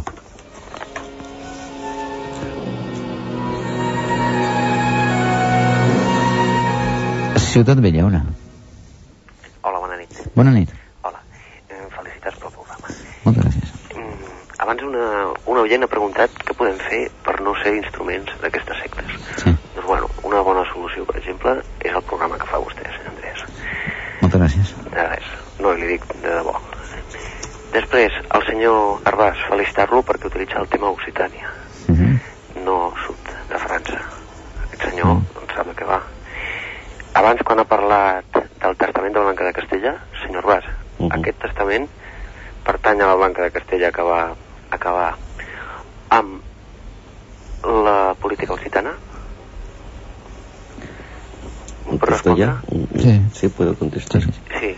Bueno, muchas gracias por lo de Occitana. Y sí, evidentemente eh, tiene usted toda, la razón. Para mí Francia es lo que está por encima del Loire. Eh, todo, todo desde allí para abajo es Occitania. Lo mismo que el territorio de los iberos es el territorio comprendido entre los dos ríos Ebros. El Ebro nuestro español y el, y el Sena francés, ¿eh? que antiguamente se llamaba también el río Ibero. El Abre todavía conserva un poco esa denominación, el Aber, ¿eh? Etcétera. Y entonces, eh, Occitania, eh, en fin, si me lo permite, pues me eh, hago un poquito de historia sobre esto.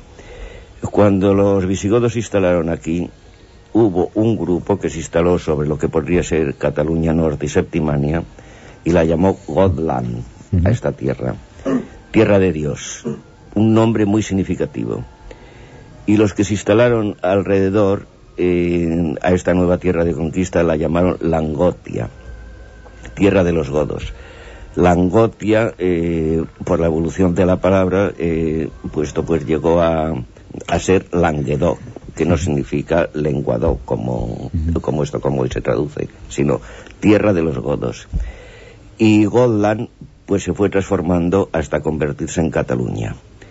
Bueno, y eh, dicho esto en relación a Blanca de Castilla, naturalmente, Blanca de Castilla fue la gran animadora del exterminio de los cátaros primero a través de su marido y luego a través de sus hijos, especialmente de San Luis, rey de Francia, rey de España, también con el título de, de, Luis el Osco. Eh, fue realmente Blanca de Castilla la que, la que, la que, la que esto, la que empezó a establecer esta operación en contra de Cataluña. Y una prueba palpable de ello lo tenemos en nuestro símbolo de San Jordi. El... ¿Puedo? Sí, sí, sí, por favor. ¿Me permites? Todo tuyo. Es que esto va a sorprender un poco y quizá vaya a molestar. Yo ruego de antemano que, en fin, pido excusas y no tengo intención de molestar a nadie, mm. sino simplemente que creo que estamos utilizando un simbolismo equivocado. Eh, en, Cataluña, desde tiempos inmemoriales, desde la protohistoria, cuando esto era el reino de Terguerones, se distinguía por poseer unos gobiernos que no eran de un rey, sino que eran regidos por organismos eh, de tres cabezas que llamaban, que era el Poder Judicial, el Poder Legislativo y el otro poder que no recuerdo en este momento, el Ejecutivo. Bueno, así fue siempre Cataluña, una tierra consagrada a la libertad.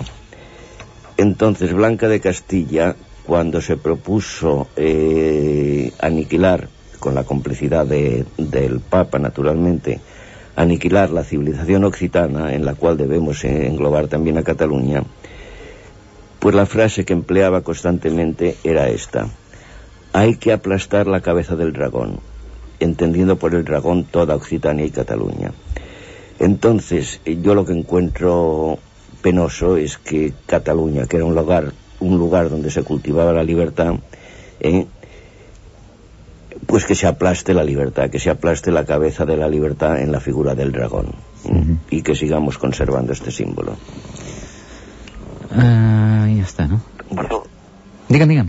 Eh, abans han dit que el, el priorat de Sió, de Sió recollia doncs bé, els últims fuetades no, del templarisme mm. si no ho he entès malament eh? perdoni si no és així aleshores aquest, aquest polític català és nacionalista català no cal que m'ho contesti si m'ho contesti, bueno, vull dir, si és així, aleshores podem veure doncs, que els programes del, dels templers sí. intenten, pregunta, intenten tornar-se a, a plantejar de nou, yeah. només és això.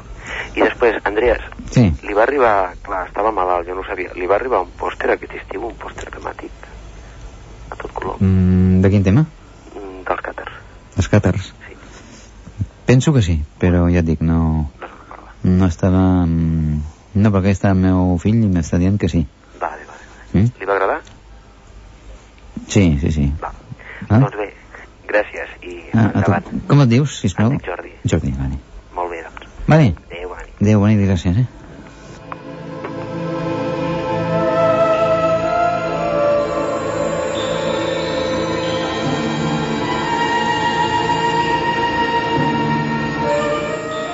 Sintonia Alfa.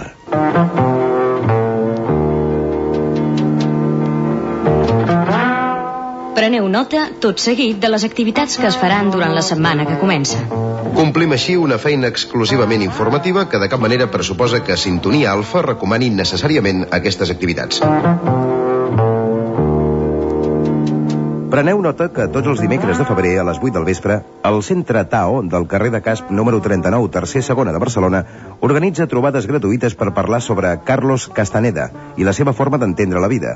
Modera aquestes trobades Josep Maria Moreno. Informació al telèfon 317 41 88 de Barcelona.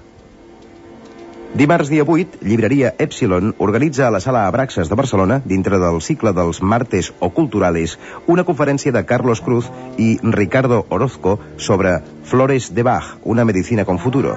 Començarà a les 8 del vespre. Informació al telèfon 453 09 39 de Barcelona.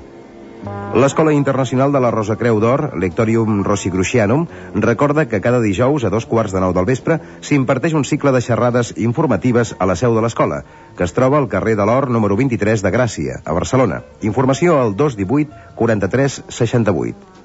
A la sala Sant Joan de Lledó, a Girona, Christel Plumer i René Fopel parlaran el dia 19 a les 10 del vespre d'una sola gent, la humanitat. El Centro de Salut Memoràndum del carrer de Sicília 236 bis de Barcelona anuncia pel dissabte dia 19 a les 8 del vespre una conferència de Mari Carmen Bellmunt i Tomàs Montero sobre drenaje linfàtico i tots els dijous, de les 5 de la tarda a les 9 del vespre, Albert Serrats fa una demostració continuada del mètode natural de recuperació visual. El Centro d'Estudios i Teràpies Humanistes, Aquarius, del carrer París 150 entre Sol Tercera, convoca per dissabte i diumenge, dies 19 i 20, una xerrada sobre Reiki 2. Informació d'aquest tema al 405 0043. Anoteu també que dijous dia 17 el Círculo Atenea organitza a la Sala Braxes de Barcelona una conferència de Jesús Gabriel sobre Neptuno i lo Sagrado. Començarà a dos quarts de nou de vespre. Telèfon 455 81 21. No oblideu que divendres, dia 18, a les 8 del vespre, es farà a la llibreria Els Arcs, al carrer de Carreres Peralta número 4 de Girona, una conferència de Xavier Peris i Xavier Mateo sobre cara i creu dels planetes, analogies entre astrologia i astronomia.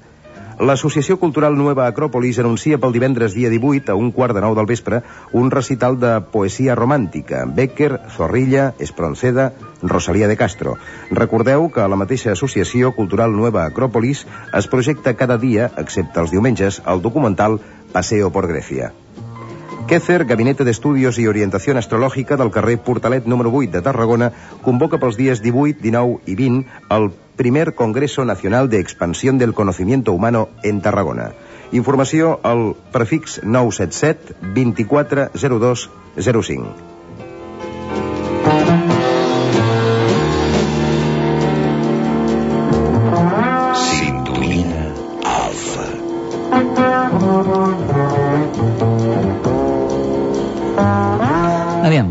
Respostes. Quan falten 13 minuts per les dues.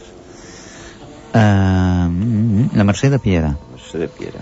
Pregunta pel tema de Jesús de Cachemira. Sí. Quin valor li dones? I et prego que siguis molt honrat. Eh. Digue'm. Bueno, pues tus investigaciones son precisamente muy honradas, las que expones en tu libro. Y sí, sí, yo admito que vivió y, y- y pudo morir en Cachemira. Yo no sé realmente dónde murió. Que vivió, yo tengo algunos datos que me apuntan a que vivió parte de su vida, parte, parte de su vida de, de joven en Ampurias, con sus parientes los cebedeos que tenían un establecimiento en Ampurias dedicado a la, a la pesca y conserva del atún y a la elaboración de la salsa garum. Y de esto hay correspondencia. en ¿De la salsa, perdona? Garum. ¿Qué es? Pues es una, mira, para entendernos, ser- sería una salsa como esta de, como esta típica de, de Tarragona, el romesco, Sí. pero con una base de anchoas, anchoas picadas. O sea, esto más o menos. Arguiñano, aquesta no lo sabía, ¿eh? Sí, sí. Esto, esto Prócoro, el secretario de San Juan, habla de, de, de lo que disfruta San Juan, que no comía nada, y que cada vez que recibe ya un tarro de garum procedente de Ampurias, pues que se ponía tan contento. O sea que había allí una familia Cebedeo. ¿eh? Rastros de esta familia se van encontrando a través de, a través de la historia, siempre ligados al tema del grial, ¿eh? que es un tema genuinamente catalán. Sí. Ah, sí? Sí, sí, hay un... Vols aprofundir en això? Bueno, hay un Sirventes, incluso una canción de un robador que, que comienza así. provençaus. Veixí la cupo que ens ve dels catalans, i s'està refiriendo naturalment al grial. Mm.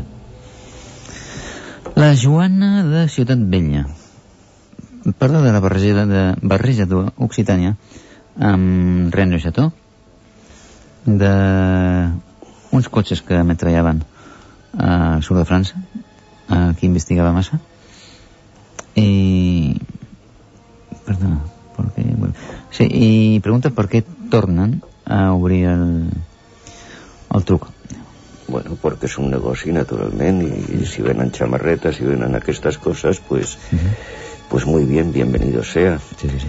Y, pero claro, pero en Rennes hay otro contenido, un contenido que, que es patrimonio precisamente de la, del priorato, que fue el que organizó todo, todo el tingladito para, para que el incauto de Berenguer Sonier se pudiese encontrar los documentos.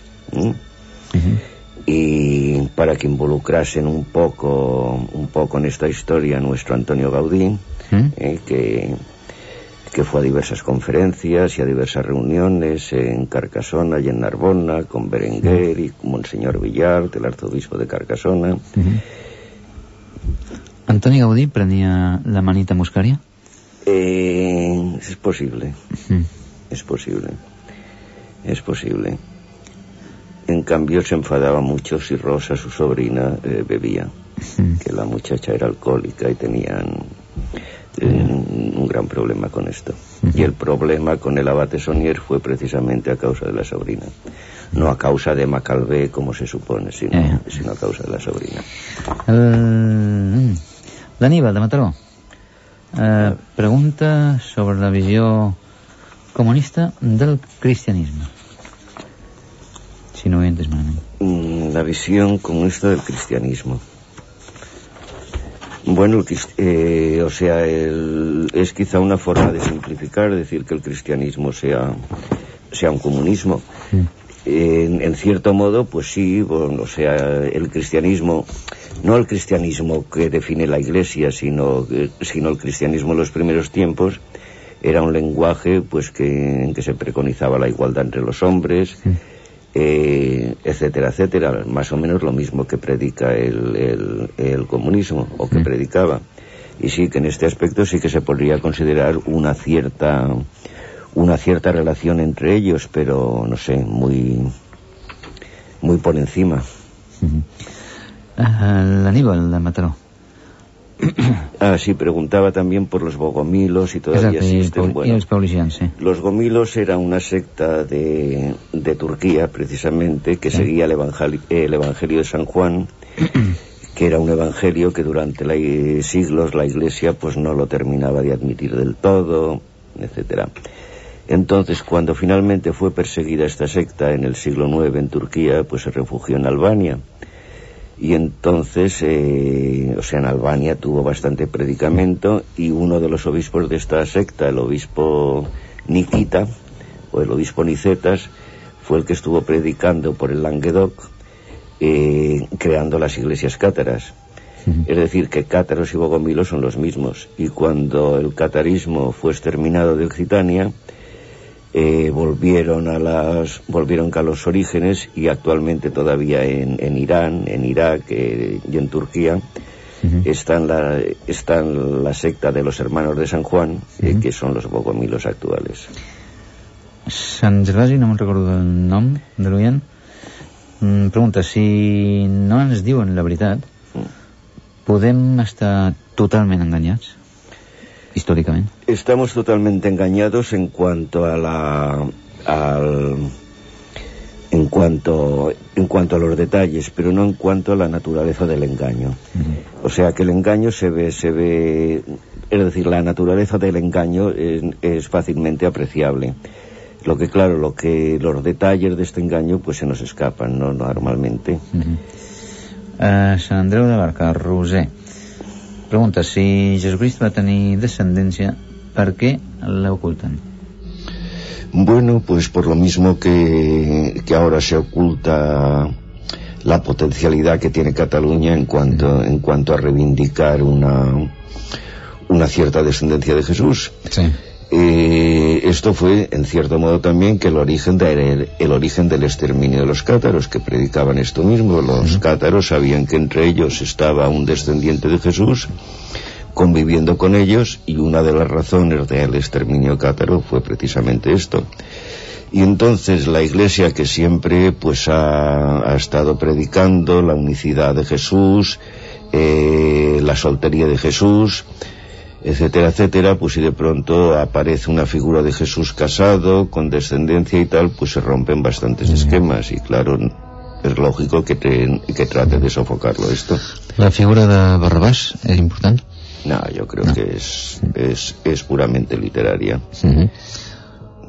Eh, bueno, esta señora también preguntaba, o también decía que hay muchos apócrifos, eh, muchos evangelios, sí. que no solamente hay los tres que hemos citado, más el de San Marco que nos, que nos añadía ella, y es uh -huh. cierto. Pero ya hablábamos de los, de los evangelios apócrifos, que son, son docenas, Sí. que existen naturalmente. En Jordi de... Cambrils. Cambrils sí. Mm. Mm. Aviam, pregunta, si les sectes són tan poderoses, ¿per qué no les acaban de cop? Porque no, la, sí, yo he anotado por qué no se arrancan de raíz.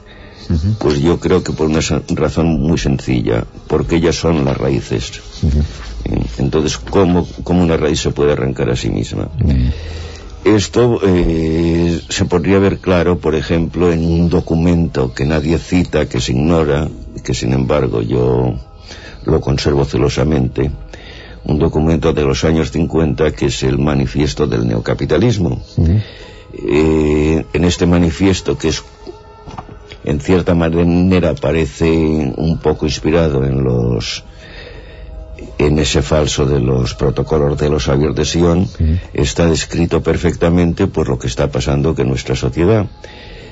En fin, por ejemplo, el espíritu de este manifiesto dice que es conveniente el, el, acentuar las diferencias sociales, que es conveniente favorecer el consumo de la droga, que es, que es conveniente el desarrollar un sentimiento de inseguridad ciudadana, uh -huh. Que es conveniente desarrollar un sentimiento de inseguridad social, en fin, todas estas cosas en la cual aparentemente todos los políticos del mundo se, se ocupan sí. y sin embargo la doctrina económica es la misma o sea que es una contradicción tremenda mm, pregunta pregunta en Lluís i després tornem a Fernando que, què és la nobleza negra? Bueno, la nobleza negra es el sobrenombre que, que, se les ha dado a veces a, a diversas a diversas sociedades secretas sí entre ellas a los caballeros teutónicos, al Tule y a la a la élite, al núcleo dirigente de, la, de las SS en, en tiempo de los nazis. Uh -huh. uh, Fernando de Figueres, crec que no m'ha respost. Preguntava sobre um, sobre el priorat... Uh, sí, si hay una relación? Sí, sí, sí. entre el priorato y la masonería. Mm. Hombre, la relación es que es que la masonería yo creo que a veces ha sido un instrumento del priorato que la ha mm. utilizado sin duda. Mm. Eh, aparte de esta relación, pues no veo ninguna. En Jordi de Ciutat Vella. No, hablaba también de los protocolos, el, este chico de Figueras. sí. Bueno, los protocolos es una cosa que se atribuye a Sersenilus, que lo utilizó la policía del zar para hacer campañas anti, de antisemitismo y luego a través de entonces eh, se ha utilizado también para estos fines pero no es de Sersenilus, es de Maurice Joly, un periodista francés de 1875 que hizo un diálogo entre Montesquieu y y el otro el italiano, el Maquiavelo sí. y para crear este tema uh -huh. que luego lo han, lo han utilizado -huh. en fin para hacer propaganda sionista, contra sionista. Ho hem de deixar aquí.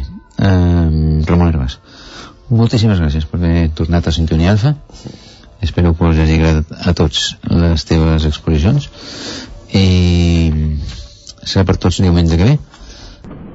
Recordeu André Malví no entrarà ningú Uh, sort i salut fins diumenge.